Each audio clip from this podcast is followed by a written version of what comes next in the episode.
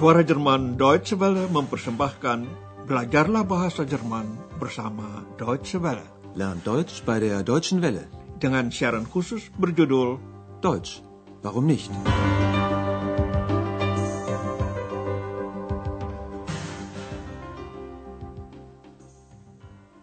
Saudara pendengar sekalian, yang akan Anda ikuti hari ini adalah pelajaran ke-25 dari seri keempat. Dalam kedua pelajaran yang terakhir ini kita akan membahas tema lain. Barangkali Anda masih ingat, Dr. Thurman mempelajari kedokteran alternatif penyembuhan melalui tumbuh-tumbuhan. Dalam rangka itu, ia pernah mencari jalan juga agar dapat membuat X, si jembalang yang tidak kasat mata, menjadi kelihatan. Dalam penelitian itu, ia menemukan tumbuhan yang luar biasa yang berbunga biru. Dari tanaman itulah diambil judul pelajaran kita hari ini, Bunga Biru di Blaue Blume.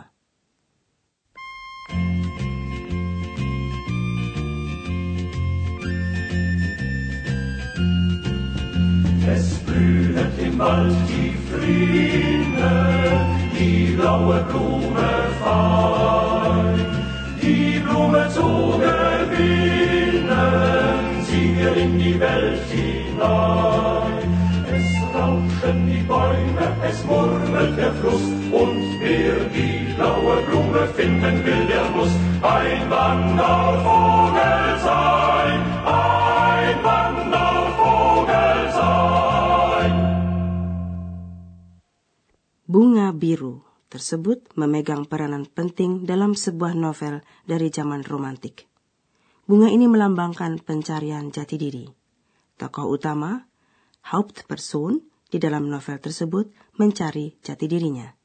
Seperti X juga mencari jawaban atas pertanyaan siapa dia sesungguhnya. Andreas mengajak Anda untuk menyertainya bersama X dan Dr. Thurman dalam menelusuri kisah bunga biru itu. Liebe Hörerinnen und Hörer, haben Sie Lust, mit uns heute eine blaue Blume zu suchen? Gemeint ist eine bestimmte blaue Blume, also die blaue Blume. Vielleicht haben Sie schon von ihr gehört. Sie spielt eine wichtige Rolle in einem Roman aus der Romantik. Heinrich von Ofterdingen heißt dieser Roman von Novalis, einem romantischen Dichter. Novalis lässt seine Hauptperson träumen. Heinrich träumt von der blauen Blume. Und seit diesem Traum beginnt er, die blaue Blume zu suchen. Pada awal Andreas bertanya, bagaimana kalau Anda ikut bersama kami hari ini mencari bunga biru? Haben Sie Lust, mit uns heute eine blaue Blume zu suchen? Yang dimaksud Andreas bukanlah bunga apa saja yang berwarna biru, melainkan bunga tertentu. Bunga biru itu. Gemeint ist eine bestimmte blaue Blume, also die blaue Blume. Bunga biru tersebut memegang peranan penting dalam sebuah novel roman dari zaman romantik. Romantik. Sie spielt eine wichtige Rolle in einem Roman aus der Romantik. Novel tersebut berjudul Heinrich dari Ofterdingen dan dikarang oleh Novalis, salah seorang tokoh penting aliran romantik Jerman. Heinrich von Ofterdingen heißt dieser Roman von Novalis, einem romantischen Dichter. Novel diawali dengan menggambarkan mimpi. Heinrich, begitulah nama tokoh utama bermimpi. Novalis lässt seine Hauptperson träumen. Heinrich bermimpi mengenai bunga biru. Ia menjadi sangat gelisah sebab ia ingin sekali menemukan bunga ini. Andreas mengatakan, sejak mimpi ini ia mulai mencari bunga biru itu. Heinrich träumt von der blauen Blume, und seit diesem Traum beginnt er, die blaue Blume zu suchen.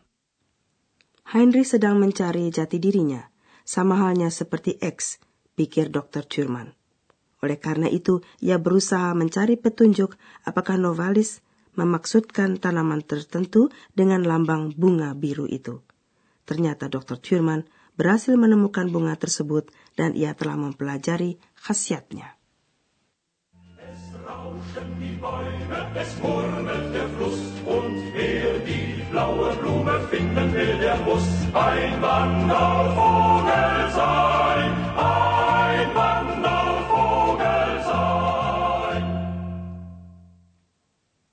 Ikutilah Dr. Thurman dalam penelusuran ini.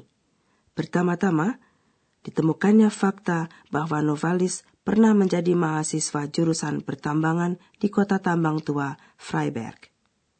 Di daerah itu ditambang biji besi, erz.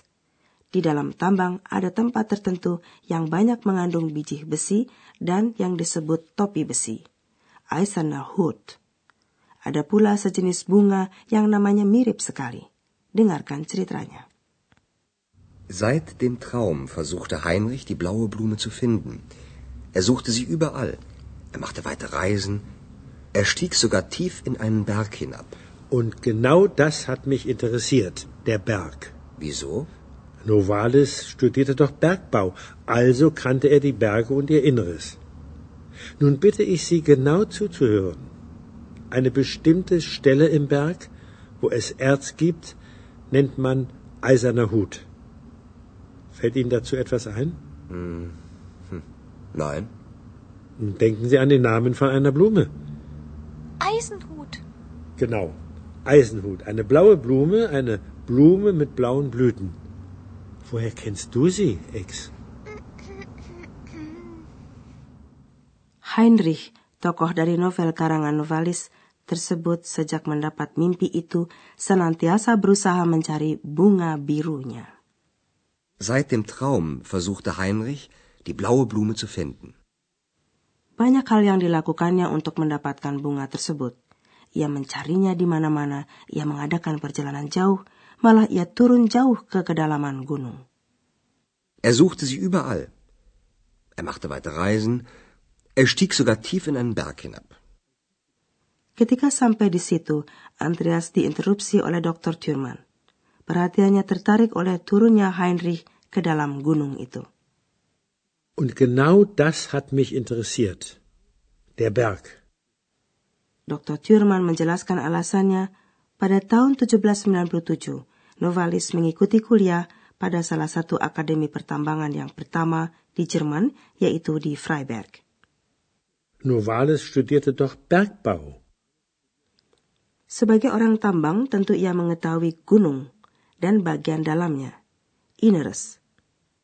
Also kannte er die Berge und ihr Inneres.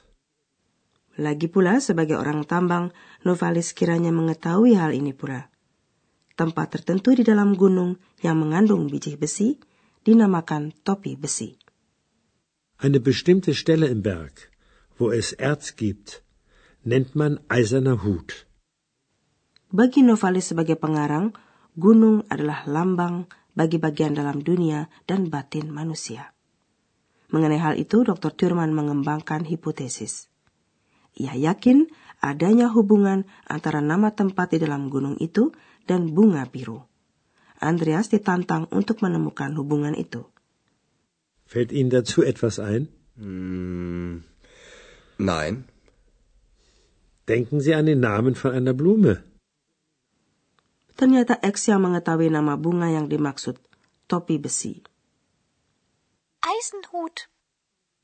Memang benar, Tanaman Eisenhut mempunyai banyak kuntum, Blüten yang berwarna biru.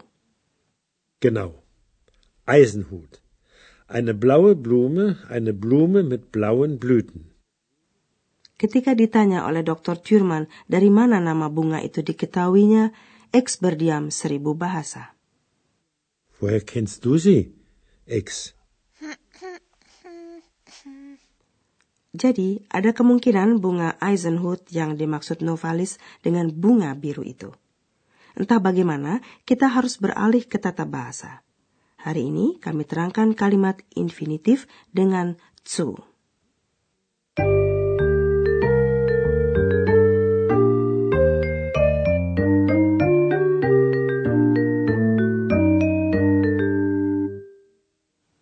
Kalimat infinitif dengan zu merupakan anak kalimat. Jenis anak kalimat ini tergantung dari verba yang dipergunakan dalam kalimat utama.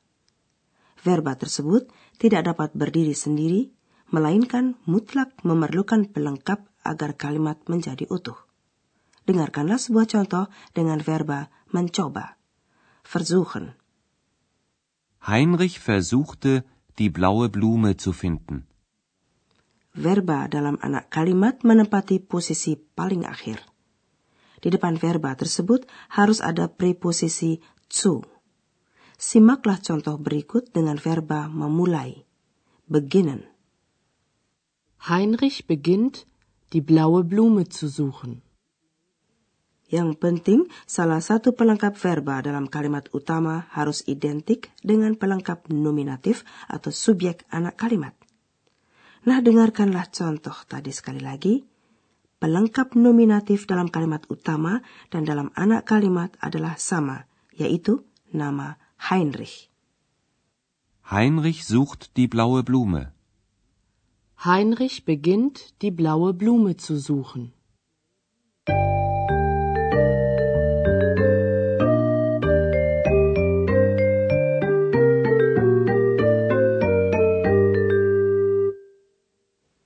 Baiklah saudara pendengar, ikutilah uraian mengenai bunga biru itu sekali lagi.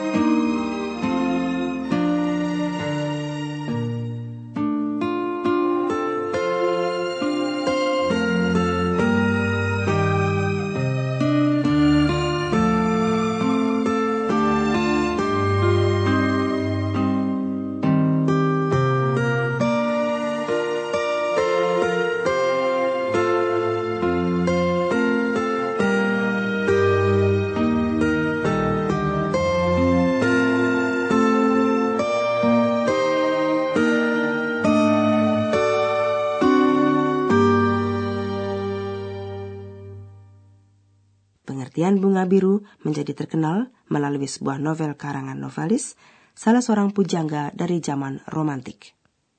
Liebe Hörerinnen und Hörer, haben Sie Lust, mit uns heute eine blaue Blume zu suchen?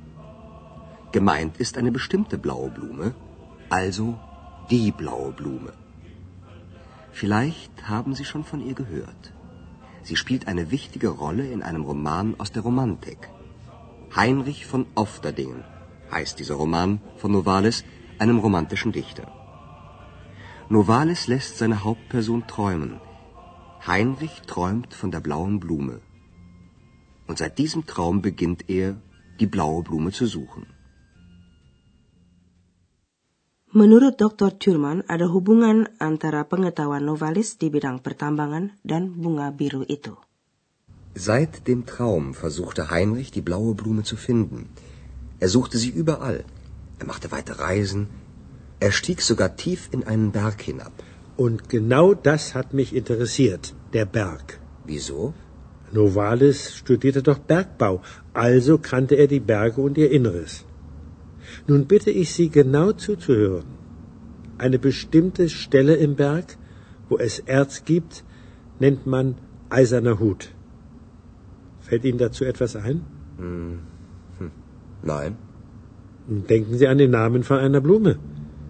Eisenhut. Genau. Eisenhut. Eine blaue Blume, eine Blume mit blauen Blüten. Woher kennst du sie, Ex? Saudara, sekianlah dulu kali ini. Sampai jumpa pada pelajaran berikut dan yang terakhir dalam seri ini. Sampai jumpa lagi lain kali. Auf Wiederhören. Dari rangkaian Learn Deutsch by der Deutschen Welle, telah Anda ikuti pelajaran dari kursus bahasa Jerman, Deutsch, Warum nicht? Berdasarkan naskah dari Nyonya Herard Meise dari Goethe Institut di München dan diproduksi oleh Suara Jerman Deutsche Welle.